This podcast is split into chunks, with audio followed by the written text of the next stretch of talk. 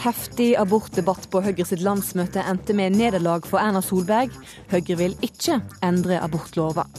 Jeg bor heller på en madrass under ei bru i Norge enn i Romania uten penger, forteller romkvinne. Blir i landet uansett om det blir tiggeforbud eller ikke. Og folk står kinnbein mot albu, panne mot rygg, sier frustrert pendler som mener intimsona blir oppheva med NSB møter togsjef til debatt på toget midt i rushtrafikken. Hjertelig velkommen til ukeslutt her i NRK P1 og P2. Jeg heter Sara Victoria Rygg, og skal den neste timen også ta deg med til Ålesund en tur. For der har diskusjonen om hva flagg jeg kan bruke i 17. mai-toget, sett eh, sinna i kok. Men enhver kvinne som har båret på sitt barn i over tre måneder, har kun ett ønske, kjære landsmøte, og det er å legge det barnet til sitt bryst. Si da ikke at hun sorterer vekk sitt barn. Da har jeg lyst til å si hvorfor jeg for 14 år siden kom til en annen konklusjon. Er det riktig at et sykdomsbilde og funksjonshemminger som det lever mange mennesker med i vårt samfunn, skal være et selvstendig grunnlag for abort? Er dette mitt Høyre? Er det mine politiske venner? Stem mot forslag til endring! Oppfatt som en beskjed. Og den beskjeden fra Høyre-ordfører Trude Drevland den ble oppfatta, for etter mange timer med heftig debatt på Høyre sitt landsmøte, så er konklusjonen nå altså klar. Høyre går ikke inn for å endre abortlova. Det betyr at Erna Solberg tapte eh, abortkampen. Vår reporter på landsmøtet prata med Høyre-lederen rett etter avstemminga. Er dette et vanskelig nederlag for deg, Svelle? Nei, det er ikke et vanskelig nederlag å stå for å forsvare at vi ikke skal gjøre endringer i abortloven sånn som det. Men min personlige overbevisning er at uh, de nye grensene vi har, uh, burde gjort at vi hadde et litt mindre dogmatisk forhold til abortloven. Vi kommer til å få mange sånne debatter. Jeg er helt sikker på at når det går 10-12 år, så vil sikkert Høyre ha en sånn debatt på nytt igjen med andre spørsmål. Du kunne tatt det på tidlig ultralyd f.eks. Du kunne tatt det på mange av disse spørsmålene. Når du tar den innfallsvinkelen, så vil kanskje folk reflektere og resonnere annerledes. Reporter Lars Nehru Sand, hvorfor er det så stor uenighet om abortlova innad i Høyre? Ja, Det handler om kombinasjonen av både en verdidebatt og en eh, frihetsdebatt, som vi for så vidt har hørt. Signalet om at alle mennesker er like mye verd og ingen skal velges bort. Men også friheten til å ta egne valg, likestilling, kvinnesak. Dette var en eh, lang, klassisk abortdebatt. Skarpe, tydelige fronter. Noen vil si det stammer fra 70-tallet, men de teknologiske mulighetene eh, rundt hvilke misdannelser som nå kan oppdages, er jo annerledes enn da dagens lov ble vedtatt. og Programkomiteen, nestleder Bent Høies utgangspunkt var at når virkeligheten var endra, så burde kanskje loven også endres. Men slik ble det altså ikke. Nå har de altså diskutert og krangla heftig på, på landsmøtet i mange timer. Hvordan er stemninga nå etter all denne kranglinga? Jeg tror man uh, har sett på dette som en veldig ryddig, redelig, fair and square diskusjon om et uh, viktig spørsmål. Jeg tror ikke mange av delegatene føler det var noe krangling, selv om det har vært en anspent tone. Nå er det lunsj og litt uh, lunsjseminar frem til klokka to, og det kan kanskje trengs å puste ut litt etter en intens diskusjon på morgenkvisten. Det er ikke bare abortlov og Høyre har diskutert i dag, de har stemt over en rekke andre saker. Hva, hva er det de har bestemt seg for? Ja, Det er mange små og store ting. De andre som kanskje er verdt å nevne allerede nå, er at man vurderer å gå inn for eh, at uh, norsk politi skal bevæpnes. Fortsatt litt handlingsrom der, altså, men, men uh, Høyre-landsmøtet tar et nytt og viktig steg i, i den saken. Og så er det mange skatteforslag og arbeidslivsspørsmål som også skal behandles, eh, er blitt behandlet og skal behandles i løpet av, eh, i løpet av helgen. Det er jo sånn at eh, Man snakker om et mykere Høyre, som nå frir til fagbevegelsen og demper skattekuttene. Så Derfor så dro vi på skattejakt for å finne ut om det gamle Høyre fortsatt finnes, eller har forsvunnet i jakten på makt. Ja, Der også er bunad. Her er det en bunad. En små bedrift på 50 kvadrat. Inger-Lise Pettersen og ektemannen driver et mer enn 40 år gammelt renseri på Frogner i Oslo. Vi er jo en liten bedrift, og det blir jo mange ganger føler du at du blir ganske At det er mye skatter og avgifter å betale, da. Det grønne strykebrettet og den store rensetrommelen er få kvartaler fra den gule statsministerboligen hun håper Erna Solberg skal overta til høsten. Ja, jeg jo, har jo stemt uh, hennes parti egentlig alle år, da. Men Høyre-lederen snakker ikke like ofte om skatt lenger. Jeg føler jo de er veldig like da, på, på det meste. Arbeiderpartiet og Høyre? Ja. Et ølglass settes på bordet. En lyseblå, rutete skjorte setter seg ned.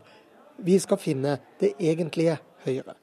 Ja, jeg er opptatt av at statens eh, utgifter skal, eh, skal eh, være så lave som mulig. Hør på Torbjørn Sølsnes i Oslo Høyre. Han vil fjerne formuesskatten raskere, fjerne skattefradrag for fagorganiserte, fjerne toppskatten, kutte i sykelønna. Innføre karakter i barneskolen. La det bli lov til å ta ut utbytte fra friskoler. Si nei til kontantstøtte. Eh, innføre en liten egenandel i sykepengeordningen.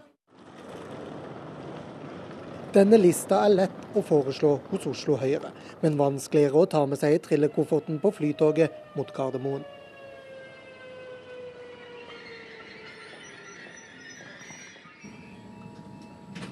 Han er First House-konsulent, Høyre-politiker, tidligere rådgiver for stortingsgruppa, aktiv i Oslo-partiets programarbeid. Delegat på landsmøtet.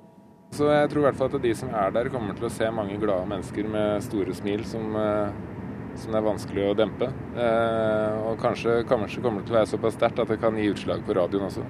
Ankommer vi straks til Oslo lufthavn og plattform Rett, rett frem bak der? Ja, rett frem bak ja. søyla.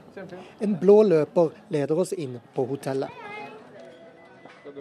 Mens Sølsnes sjekker inn, møter vi en annen Torbjørn. Røe Isaksen leder programkomiteen. For intensjonen er god.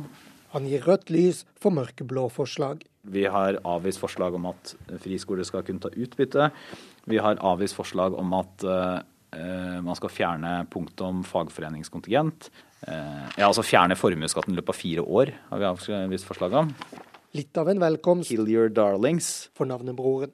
En del av de forslagene som, eh, som, er kanskje viktige symbolforslag, men som, men som ikke er realistisk eller ønskelig å gjennomføre i løpet av fire år, de er luka ut av programmet. Fordi det tror jeg de fleste på landsmøtet er veldig klar over, at dette programmet er jo ikke bare noe, dette er jo ikke et lekeprogram. Dette kan bli et viktig grunnlag for en ny regjering.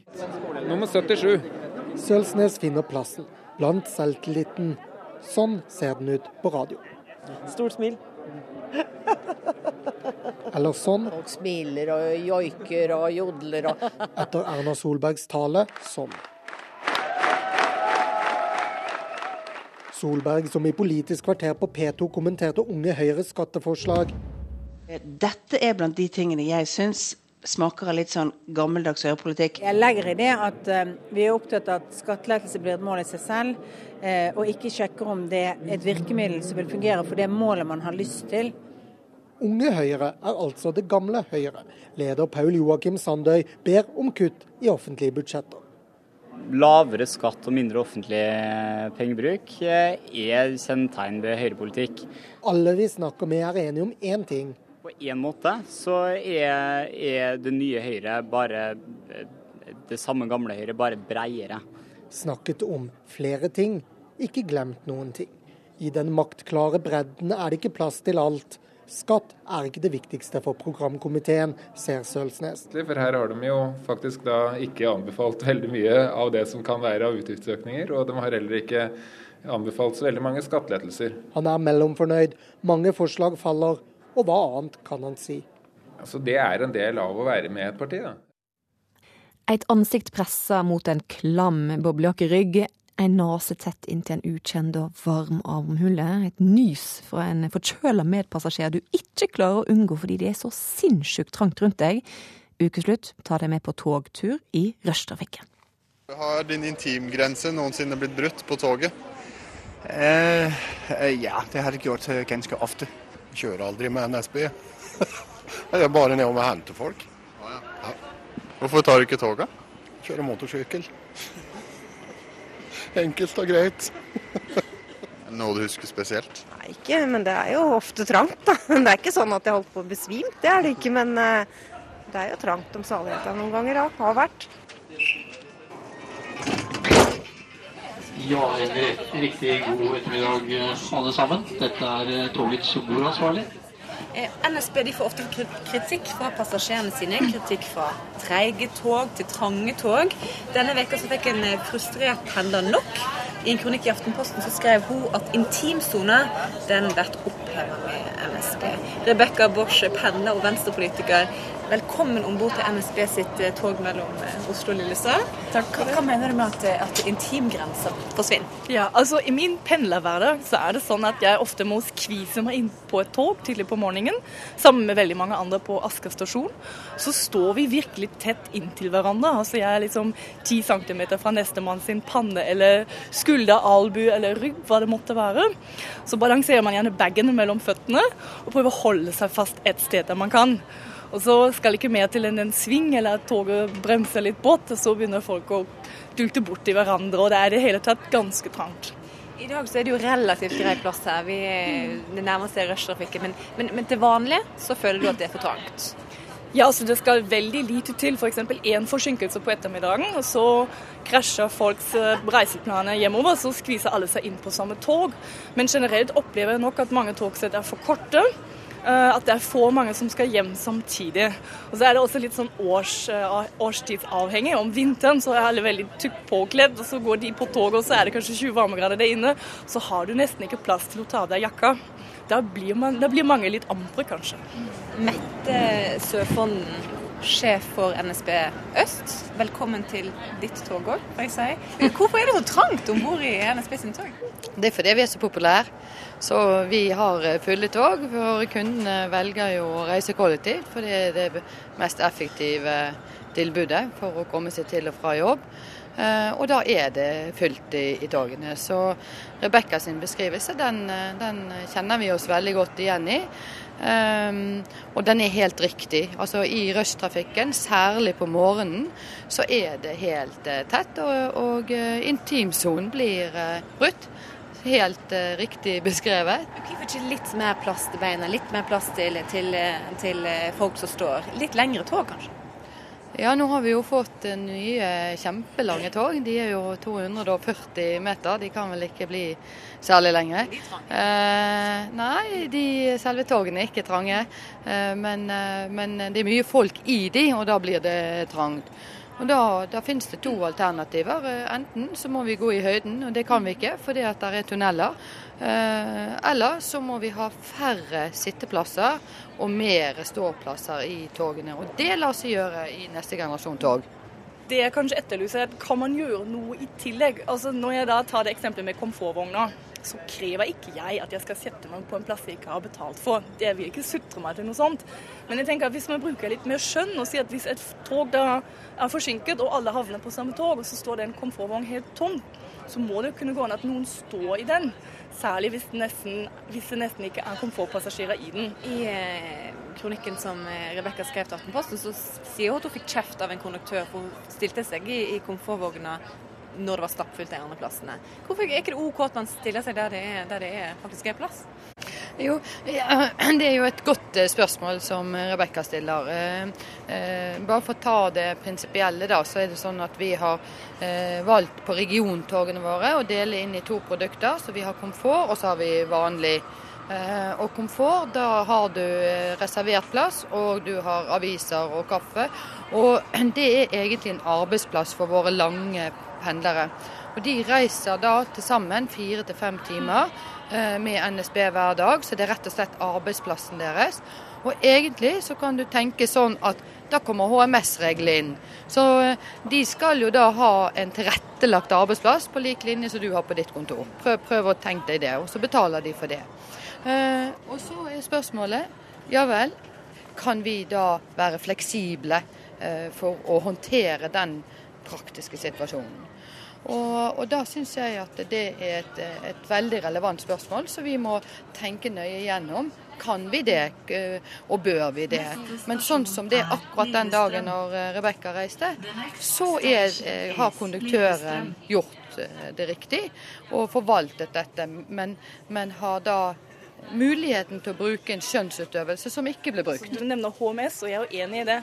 Men HMS gjelder jo også for deres egne ansatte, f.eks. Og jeg må si jeg syns litt synd på konduktørene som må skyve seg gjennom de menneskemassene hver dag, som møter veldig mange ampre, kanskje sinte folk. Og jeg har stor forståelse for at noen der kan oppleve en dårlig dag på jobben og, og bli litt, sånn, litt hard i tonen, kanskje. Så jeg har stor forståelse for det. Men jeg tenker også sånn at um, hvis det sitter åtte mennesker på komfortvogna, og man flytter de i den ene halvdelen, og så kan kanskje 30 mennesker stå i den andre halvdelen, så, ikke, så tror ikke jeg at det er så ille for de som har betalt. Debatten må, må fortsette ute på perrongen, for hun har faktisk kommet fram til, til eh, stopp, stoppet vårt her. Men, men uh, Mette, har dere noen gang fra NSB fått beskjed fra, fra passasjerer at de har møtt sin store kjærlighet om bord på toget fordi det er så sinnssykt trangt. ja. ja, det har vi. Og så har vi også ansatte som uh, møter sin store kjærlighet. Vi har mange av de. Hvor lenge holder du ut pendlinga, Rebekka, med tanke på hvor trangt det er om bord? Du, uh, jeg jobber jo i Oslo, så håper jeg at jeg fra høsten av får lov til å pendle til Stortinget hver dag. Så jeg skal nok fortsette å ta tog. det går bra. Uh, kan jo hende at jeg møter drømmemannen min en dag på tog også. så skal jeg aldri gi opp håpet, da. Nei, jeg kommer til å fortsette å pendle også i framtida. Takk til Mette Søfond og Rebekka Bosch. Og for de av dere som ikke orker å pendle med tog, så kan du kjøre bil sammen med The Beatles. 'Drive My Car' heter låta. Til sommeren venter politiet flere tiggere til Norge enn noen gang før. Samtidig krangler politikerne, politikerne om løsninga på utfordringa er et tiggeforbud eller ikke. Romtiggere sier de heller vil bo på en madrass eh, under ei bru i Norge enn å være lutfattig i Romania. Reporter Ida Tune Øresand hun ble med dit romfolket sov. Europas nød har kommet til Norge med trekkspill, rytmeinstrument og slitte pappkrus. To romkvinner med hver sin 7-Eleven-kopp sier at de er kommet hit fordi de ikke har noen sjanse til å overleve i Romania. Men også livet i Norge er hardt. Han som oversetter, heter Mikael Negra. For fire år siden kom han til Norge for å søke jobb. Men han fikk ikke jobb, og han fant ikke et sted å bo. Romfolk i Oslo hjalp han, han fikk sove i bilene deres. Men nå er det han som hjelper dem gjennom organisasjonen Folk er folk. Det er kveld, og Mihai tar meg med i en stor, hvit varebil for å vise hvor romfolket bor.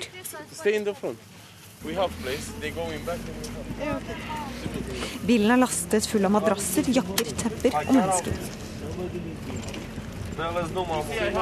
All the baggages, a part of them, in the car from uh, in the daytime because they are uh, they are uh, afraid to don't take that garbage guy. I keep them in the car. Mihai forteller at de har tepper og madrasser i bilen, sånn at de ikke skal bli borte i løpet av dagen. Everything. You have it here. Bak Botanisk hage i Oslo er det en stor parkeringsplass. Ved inngangen står han som har ansvar for parken, direktør for Naturhistorisk museum, Arne Bjørnlykke.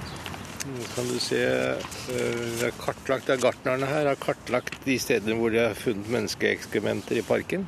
Og der med ring rundt er de som vi har daglig nye funn. Så her finner dere rett og slett menneskebæsj hver eneste dag? Ja, det gjør vi. Vi har tatt opp med kommunen om de vil sette ut toaletter her, og det dekte kommunen å gjøre. Og eh, politiet vil ikke gjøre noe med denne saken, selv om det er jo forbud mot å overnatte på rasteplasser langs veiene. Så vi, eh, vi er ganske desperate nå, så vi kommer vurdere nå å stenge parken. Vi har 660 000 mennesker som går i parken hvert år. Men vi ser nå ikke noe annet råd enn å delvis stenge eller helt stenge parken. I år så er det enda verre enn i fjor. Hvorfor det, da? Nei, det ser at det er enda mange flere som kommer. Og vi finner Vi har aldri sett så mye menneskebæsj eh, i hagen som i år. Ved Sinsen parkerer vi bilen. Mihai har med seg handlepose med leverpostei, pølse, makrell i tomat og servelat. Det er helt mørkt under Sinsenbroa og ingen mennesker å se. Vi hører plutselig en stemme i steinene like ved oss. Mihai svarer. Det er en dame som har lagt seg for kvelden. Plutselig hører vi flere stemmer langt inne under broa mellom de store steinene. There's a lot of people here. Of course. Because they come back here. Very difficult. You see, it's even dangerous to sleep here. Maybe one look from Trebuie toată ziua îngheți. I freezing all the day. Că de aici pleci înghețat. Because from here I go freezing. Mihai gir mat til Nikolai på 73 år. Han sier at han fryser. Når han sover, har han et pledd over seg og et pledd under seg. Men for ham er steinrøysa under Sinsenbrua et bedre alternativ enn å bli i Romania. For her kan han spare seg opp litt penger. Do you sleep here every night or Dorme aici în fiecare noapte? Da. Yes. how is it? Cum este? Rău. Very bad. Ved siden av ham ligger en mann og en kone på 70 år. De er her i Norge slik at barna og barnebarna i Romania skal klare seg. En annen som sover under Sinsenbroa, er Lori på 23 år. Very much people is holding like this is crying because of cold. Nå sitter hun ved møteplassen til Kirkens Bymisjon, der hun pleier å spise. You know can't sleep night. How much is the cold now? Hun sier også at det er bedre å bo under en bro i Oslo og tjene 50 kroner dagen, enn å være i Romania uten penger. Yeah, it's much better because in Romania you know have. Here if you find 20 flasks, 30 flasks of day, you buying food. But in Romania you know have. Folk samla seg ute i gata her eh, når de begynte å komme, og folk sto liksom hva, hva, gjør vi, hva gjør vi med dette her? I fjor slo romfolket leir i et steinbrudd på Årvoll i Oslo, og det skapte sterke reaksjoner. Dette kan ikke være et problem som vi skal løse her på Årvoll. Det sier Hege Almerud i Nabolagforeningen på Årvoll. Dette her er Oslo øst. Vi, vi vet hvordan det er å leve med, i et integrert samfunn, da. og det kan vi. Så det er, ikke, det, var, det er ikke problemet. Problemet er at dette her er fattigdom og nød på et, sånt, et helt annet plan som vi ikke har liksom, sett før, og som ikke vi kan håndtere. da. Det er så fryktelig, fryktelig trist og en sånn innmari fæl situasjon at ikke vi her oppe i rike Norge skal kunne hjelpe disse folka. Samtidig som at å installere mange hundre mennesker i et steinbrudd på Årvoll og plassere dette kan si, europeiske problemet her hos oss, det er eh, feil. Europas nød har kommet til Norge med problemer vi ikke hadde før. Og hvordan skal vi forholde oss til det? Det- det er så kjempevanskelige spørsmål, så jeg, har, jeg skjønner til og med politikerne som, som ikke tør å ta et standpunkt. Men det må de. Det er jobben deres. Dette, her må det tas eh, vanskelige valg, rett og slett. Romkvinnene i sentrum sier at de blir i Norge uansett hvilke forbud politikerne kommer med. De er for fattige til å la være. Og Mihai frykter at fjorårets sommer bare er en forsmak på problemene vi vil se i år, hvis romfolket ikke får et sted å sove. If the government don't make anything, yes. You're gonna see gypsies in all the parks. Du hører på Ukeslutt her i NRK P1 og P2. Følg med videre og hør at det er flaggstrid i Ålesund etter at elever ville bruke ulike flagg i 17. mai-toget. Det er Norge som har bursdag, ikke alle andre landene, sier Tommy Sharif. Og eh, Jon Christian Elden er en rosa bloggadvokat, sa Geir Lippestad denne veka. Bloggen hans er så kjedelig at den ikke kan kalles rosa, svarer ekspert, og hjelper Elden med blogg-makeover. Utilregnelige personer som er for syke for fengsel, men for friske for behandling, blir utnytta av kriminelle til å gjøre lovbrudd. Det forteller politiet. De blir utnytta fordi kriminelle vet at de ikke kan straffes med fengsel dersom de blir tatt. Reporter Gro Engen har møtt Tom, som er hverdagskriminell, psykotisk og amfetaminmisbruker. Han har hundrevis av lovbrudd på samvittigheten, og han er glad han slipper straff. Så Østfold politidistrikt. Grovt tyveri fra kiosk. Leilighetene for narkomane i Sarpsborg ligger etter hverandre på et jorde. Som små, gule brakker. Grovt juri fra diverse forretning. De underrettes om at for at deres vedkommende er forholdet henlagt pga. tvil om deres strafferettslige tilregnelighet på gjerningstidspunktet. Tom er utilregnelig, for syk for fengsel, men ikke syk eller farlig nok til å tvangsinnlegges. Registrert 25.5. 12. 1.6., 7.6., 1.8., 12., 11.8. Det er ganske tette saker der. Henlagt. Henlagt. Det er henlagt. Har du noen gang tenkt at det kanskje hadde vært bedre for deg å sitte i fengsel? Jeg er glad jeg slipper, men øh, Det finnes to rettspsykiatriske rapporter på Tom. Fra 2003 og 2007. Begge konkluderer med at han er utilregnelig. Tom er schizofren med psykose. Nei, jeg ser jo disse avisinnleggene og sånn. da. Da står det syk til å Psyk til å Til å sitte i fengsel. For frisk til å sitte på psykiatrisk. Skjønner du at folk eh, kanskje blir eh, sur for at du kan begå innbrudd etter innbrudd og så ikke straffes for det? Ja, jeg skjønner det. Skjønner det jævlig godt, ja. Hvorfor skjønner du det? Det er så tåpelig, liksom. Og, og har ikke noen unnskyldninger for det han øh, gjør, tenker han. Hva tror du de syns? Jeg syns jeg er en dust, tenker jeg.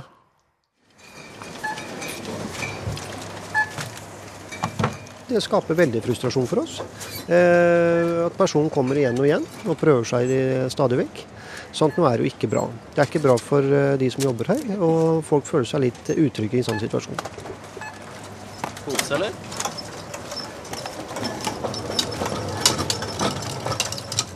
«15 kasserøll på en pall trilles inn på Rimi. Tom har fått besøksforbud av butikksjef René Bjønnes. Men jeg syns det er veldig rart at samfunnet skal være sånn.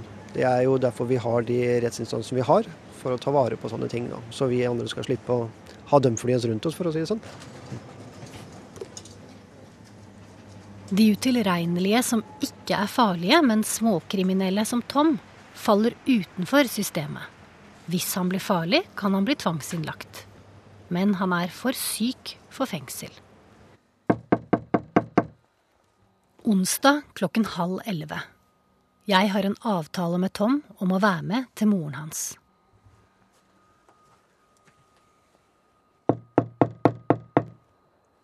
Politiet har sagt på telefonen at Tom har vært dårlig i natt.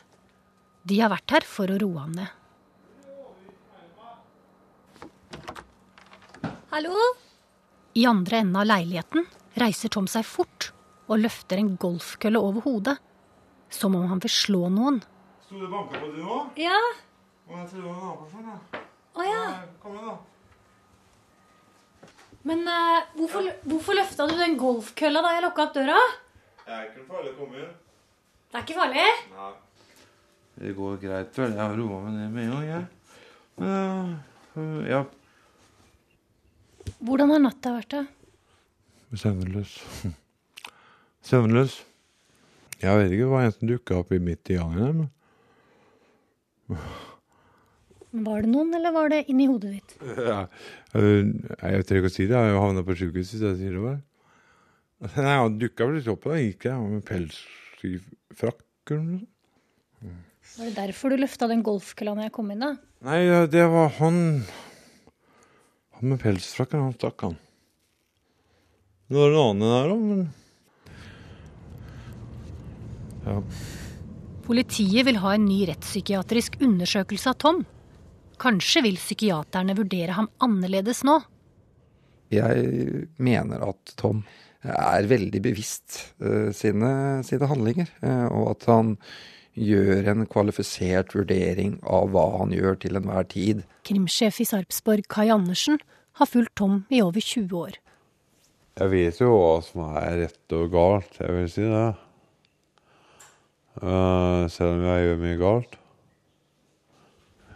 Hadde du gjort så mange innbrudd hvis du visste at du måtte i fengsel for det? Det er veldig lett å si nei, kanskje. Han er jo veldig bevisst på, på at han ikke ikke utøver vold. Jeg vet at hvis jeg begynner å bli voldelig og sånn, så, så blir det tvangsinnlagt med. Ja. Det finnes minst 50 som er i Toms situasjon i Norge. Ja, jeg blir kanskje litt øh, misbrukt. Folk har sagt Du blir ikke straffa likevel, så du kan jo gjøre det og gjøre det. Og. Jeg syns ikke det er så lett å gjøre det for det. I flere tilfeller hvor vi har gått til pågripelse av Tom, så har det vært andre kriminelle personer til stede.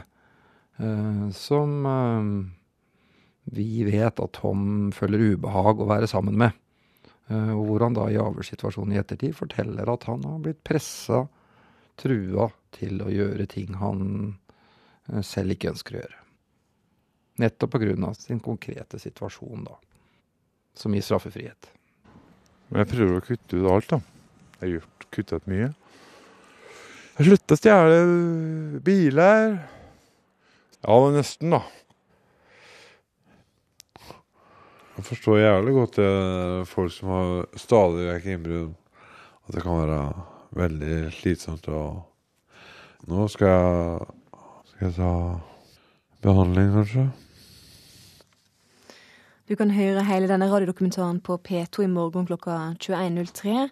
Eller du kan laste den ned som podkast og høre den akkurat når du vil. Dokumentaren den er laga av Gro Engen.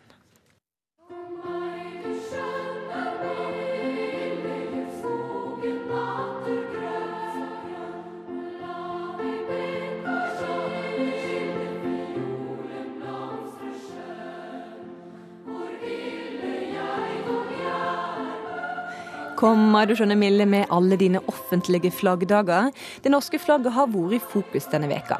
Ikke bare fordi VG avslørte at Jonas Gahr Støre ikke flagger på 1. mai, men også pga. en krangel i Ålesund. En skole ønsker å la elevene bruke flagg fra heimlandene sine i 17. mai-toget, i tillegg til det norske, og det ble det bråk av. I går bestemte ordføreren at alle flagg er velkomne i 17. mai-toget i Ålesund. Reporter Leiv Erik Bondevik, du står midt i Ålesund sentrum. Hva sier folk til avgjørelsen fra fra, fra eh, ordføreren? Jeg tror eh, de aller, aller fleste syns at det var en helt grei avgjørelse. Slik at eh, eh, en fikk slutt på denne litt eh, ekle striden som det har vært eh, om en sak som kanskje ikke egentlig er så veldig stor. Så nå blir det da opp til skolen sjøl å bestemme hva de gjør 17. mai.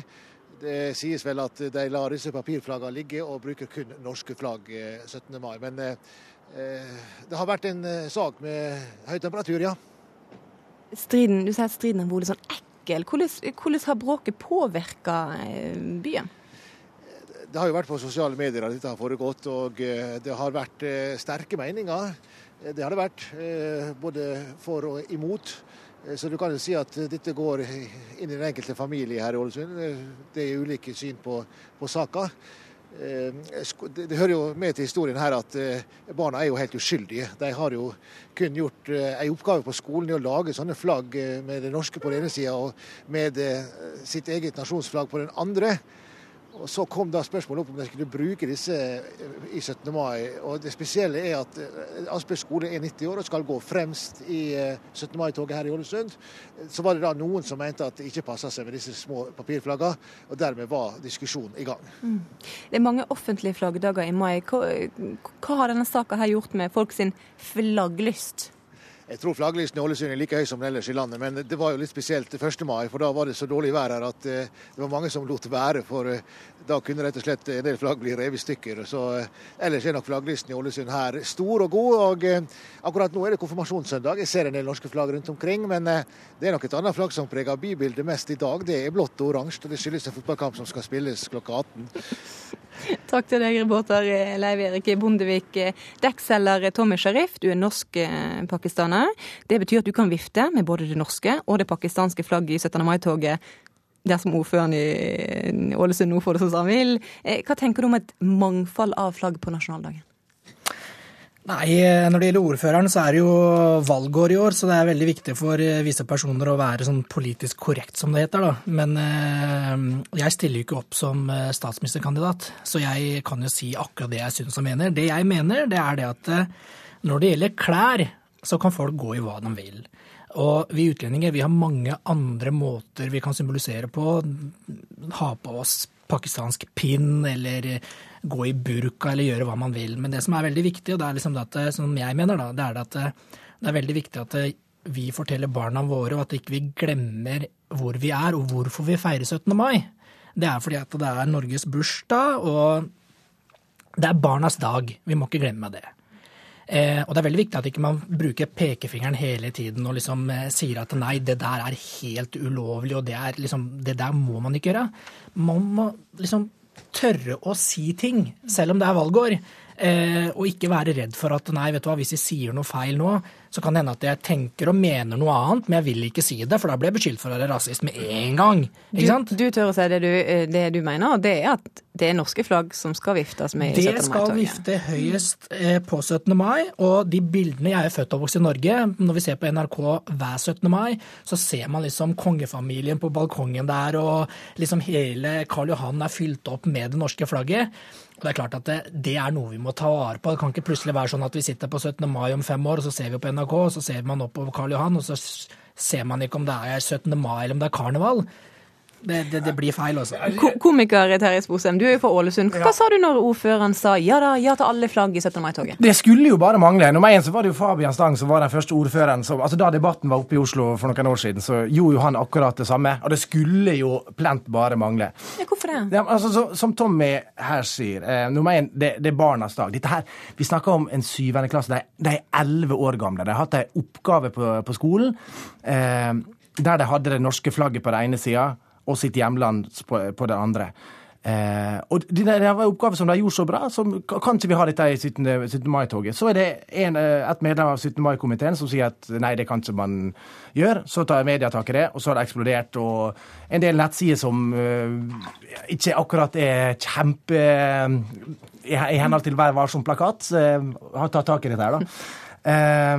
og jeg mener sånn som så at vi da skal fortelle barn Altså, vi, vi, feirer en grunnlov, og det viktigste vi har i vår grunnlov, det er ytringsfrihet, sånn som jeg mener det. Og så eh, det, er, det er jo ikke et spørsmål om at barn her skal gå med andre land sine flagg. Der, der viset er norsk, men er også herfra. Og, det syns jeg er veldig viktig å, å vise. altså. Men Tommy er jo det at det er Norges bursdag. Hvorfor skal ikke vi feire jubilanten med det norske flagget, da? Jo, men, og ikke minst deg. Du har jo bursdag på 17. mai. Terje. Jeg har bursdag 17. mai, selvfølgelig. Og jeg trodde jo i seks år at folk gikk og feira med, så da hadde jeg dreit egentlig hva flagg folk, folk hadde. Men eh, Folk feirer jo Norge. Alle vet jo hva det er. Altså, på skolene i dag så er det jo mye snakk om hvorfor ble dette. Hva skjedde? Hvorfor har Norge blitt det vi er? Eh, men at, at, vi da på, på, på, en dag nå skal, skal si at det, det, det, skal kun være norsk skal, Alt vi gjør, skal være norsk. I 17. mai-toget i Ålesund da jeg vokste opp, så var det alltid Circus Arnardo. Kom, det kom eksotiske dyr fra andre land. Skal, skal det være sånn Nei, den elefanten der får han ut, han er ikke norsk! Vi skal ha bare norske dyr. Vi skal ha dalahester og flått! Terje, du skal være glad at vi sitter her i Oslo i Norge hos NRK og tar denne debatten. Hadde du bare vært med i Pakistan og tatt denne debatten der, du hadde blitt steina ja, ja, hvis du bare hadde prøvd deg å bruke et annet flagg enn pakistanske, holdt jeg på å si. Jeg, jeg kom akkurat hjem fra, fra Tyrkia. Eh, vi driver og skal sette opp et show i Tyrkia som er i Alanya. Der hadde vi laga et førsteutkast til eh, Eh, til en plakat der vi hadde litt av det tyrkiske flagget i bakgrunnen. Og da sa den tyrkiske arrangøren eh, eh, ta og fjerne det. Hvis, hvis f.eks.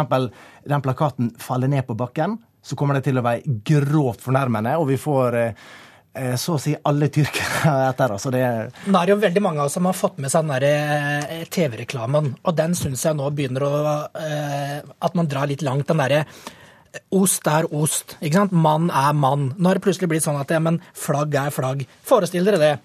Det kan jo ikke være sånn at eh, Norge stiller opp i OL eller VM, eh, og så plutselig så vinner man gull, og så står man der og spenningen er liksom hvilken flagg er det som kommer opp nå.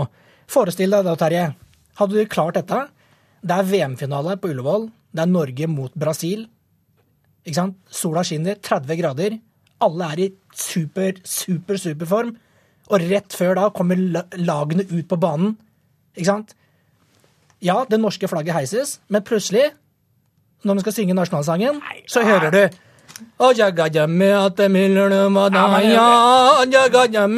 Det blir ikke det samme, vet du. Problemet er at altså, når man drar det så langt som man gjør det her altså, du, du, du lager så, sånn eh, Du drar det så langt at uh, at Dette kommer jo aldri til å, til å kunne skje. Um, Hvis ikke det så- hvis det er så nøye for deg, Terje. Nå, nå, nå er det snakker. Altså, dette her den argumentasjonen som veldig mange før, før som man har lest på Fyret, de er litt sånn, eh, som drar det litt sånn ut i det høyre langt ut til høyre, syns jeg, da. Det er jo de, de samme, samme folka som da etterpå jævlig, alt, alt skal være norsk, som går på ei pølsebod, kjøper cola opprinnelig fra USA, pølse opprinnelig, eller wienerpølse fra Østerrike med, med fåretarm fra Tyrkia eller Syria. Og så sier de ah, 'jeg er så glad, alt norsk, jeg elsker alt norsk'. Vi har fått det akkurat sånn som vi vil. Vi må innse vi er Vi bor i et land med masse nasjonaliteter. Vi lærer barna våre, vi skal integrere, vi skal eh, respektere Ja, ja. hverandre basert på religion, på etnisitet. Og det har ingenting med Altså, om, om barnet mitt går med ett eh, Eller ditt barn, for, for den skyld, går med et norsk på den andre sida og sitt land fra andre Helt Helt rævende Tommy, hva vifter du med på 17. mai-toget nå? Norske flagget. Terje, hva vifter du med? Jeg har det norske flagget og, og litt det blå-oransje OFK-flagget. Terje skal gå med pakistanske poseklær, og så skal gå- dama til Terje gå i burka i år. Takk til deg, Tommy Sharif, og eh, takk til deg, Terje Sposem. Da skal vi til denne ukas store advokatkrangel. Eh, den 29. april så, eh, så kommer for Lippestad ordet i en eller annen avis og, og kaller Jon, advokat Elden for rosablogger. Akkurat som det er mer saklig enn å fortelle om at jeg har faktisk snakket med, med Breivik, og dette er uproblematisk. Eh, Hvorfor kommer dette først nå, eh, Lippestad? Og, og hvilke deler av boken er det han har godkjent, i og med at han da åpenbart ikke har lest hele boken? Hvis du hadde lest noe mer enn overskriften i den avisen, så ville du sett akkurat at jeg sa det. At han hadde fritatt oss for taushetsplikten, og at han var kjent med hva jeg hadde skrevet. Midt i debatten rundt Geir Lippestad sin nye bok og kritikken fra kollegaene om at han har avslørt saker og ting om sin klient som han ikke burde, så var det ett ord mange hang seg opp i. Rosabloggadvokat. Geir Lippestad kaller kollegaen Jon Christian Elden for en rosabloggadvokat, og det ble det overskrifter av. Ukeslutt sin reporter Elisabeth Onsum tok med seg en skikkelig rosablogger for å teste hvor rosa Elden egentlig er. Har du mange forskjellige? Ja, det er nok eh, litt, ja, litt forskjellig lengde på det, men ellers er de ganske like. for å si det sånn. Det er én kappe med én søm. Ja, det var sånn brei stripe i midten sant, som går ned, så den er ganske slanke ned. Men Ja, du her vil jo si at jeg er tjukk? Nei, nei, nei. Nei, nei. Gud, ikke. Og så så fin på armene. Men Stylist og makeupartist Erlend Elias retter litt på rettskappa til eh, advokat Jon Christian Elden. du kan jo ha hvilken som helst skjorte under. Den skal være hvit da helst, men eh, vi kan jo jukse litt. Egentlig hører du ikke ha noe under i det hele tatt, hvis du knepper den godt nok igjen. ikke? Det kan være spennende. Han er her for å freshe opp bloggen Elden har på Nettavisen, og Elden selv. Ifølge advokat Geir Lippestad er Elden nemlig en rosabloggadvokat. Syns du han trenger det? Kanskje en bitte litt. Det er ikke så vanskelig å pynte en rose, men Du skjønner, jeg trenger advokat snart, så jeg må smiske litt. Nei. Nei, men jeg vil kanskje bruke litt solpudder for å få litt glød. Litt concealer under øynene for å få bort de blå ringene. Bruker du sminke? Ser det sånn ut? Er du sånn naturlig pen? Ja, Skal vi se på bloggen din, da? Iført rosa skjorte og et stripete skjerf fra Erlend Elias klikker Elden seg inn på bloggen. Men du kaller det jussens rosablogg med friske fraspark. Jeg må jo si at den underskriften kommer etter Lippesats utspill, da, så jeg må ha litt humor. Men rosaelementene mangler, mener eksperten. For den er veldig kjedelig. Er den ikke rosa nok, altså? Det er bare tekst, tekst, tekst, tekst. Så det er viktig at du må ha litt profesjonelle fotografer og legge ut daglig et nytt bilde av deg. Og så kan du f.eks. skrive sånn 'Dagens antrekk i retten'. Men hva med litt sånn kostholdsråd og sånne ting? Det er jo bloggere ofte, rosa bloggere ofte opptatt av. Ja, kanskje jeg bør putte inn litt om det. At eh, jo bedre man spiser, jo eh, lettere er det å ikke bli tiltalt i straffesaker, f.eks. Et eller annet sånt noe. Til liksom få den klare sammenhengen mellom eh, ja, både cupcakes og Hva annet er det du anbefaler at man spiser, da? Nei, det er jo f.eks. Nå er det veldig sånn populært med shake. Så du kan liksom én shake for retten. I could be the one to make you feel that way. I could be Fotballfrue.no, skal vi prøve det? Ja. Karoline, fotballfrue.no. Hoppe rundt i treningsdrakt. Sånn bilde har jeg også. Jeg, jeg, jeg hopper rundt på en trampoline foran Oslo tinghus sin svarte kappa, f.eks. Det, det mener jeg Vegard tok av meg en gang. Og så kan du gå inn på min og se. Nå er jeg ikke oppdatert på en stund, for jeg har vært på Tenerife. Erlendelias.no. Der er meg. Ja, der ligger du. vet du. Der, ja, har seila opp. Drama queen. Ja. Kanskje en sånn drama queen-bilde av meg legger på toppen. Ja. Ja. det, det er jo mange som mener dette er allerede. Da. Det er masse drama ute og går. Mhm. Makeup. Hva slags makeup er det du bruker her, da? Her har jeg brukt ja, litt forskjellig. Både Oriflame og Cosmobuti og Dior. Litt forskjellig. Nettopp. Gode styling- og sminketips gir de mest populære rosabloggerne opptil flere hundre tusen følgere. Hei, hallo. Ja, nå så skal vi vise dere hvordan dere sminker leppene. Det blir så perfekt. Og enkle anekdoter fra hverdagen hører med. Hei, bloggen.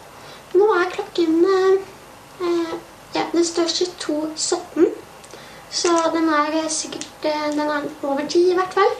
Det var originalene. Her kommer Elden.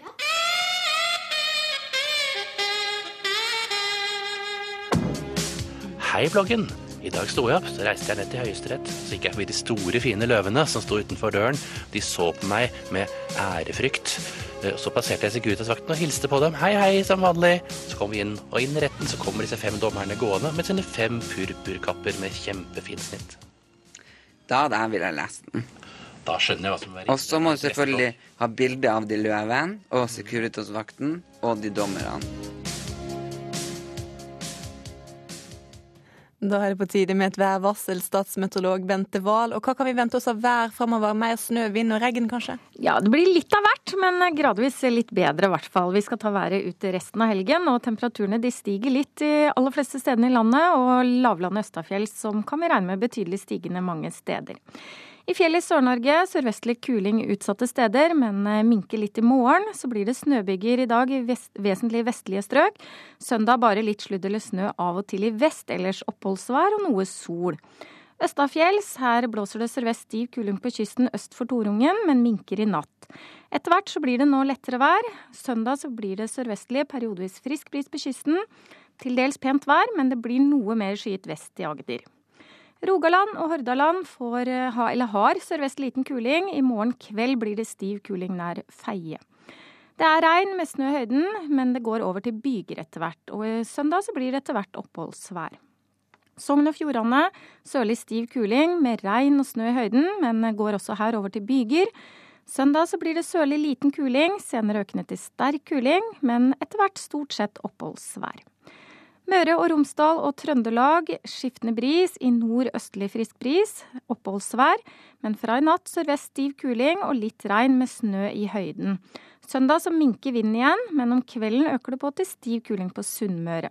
Det blir noen byger i ytre strøk og i nord i morgen.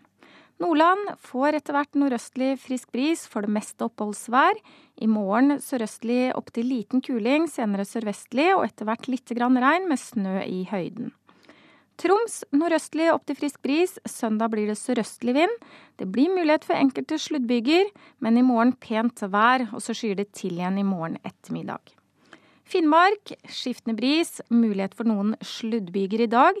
Søndag blir det også noen spredte sluddbyger på kysten først på dagen, ellers blir det opphold og etter hvert ganske pent vær i vest.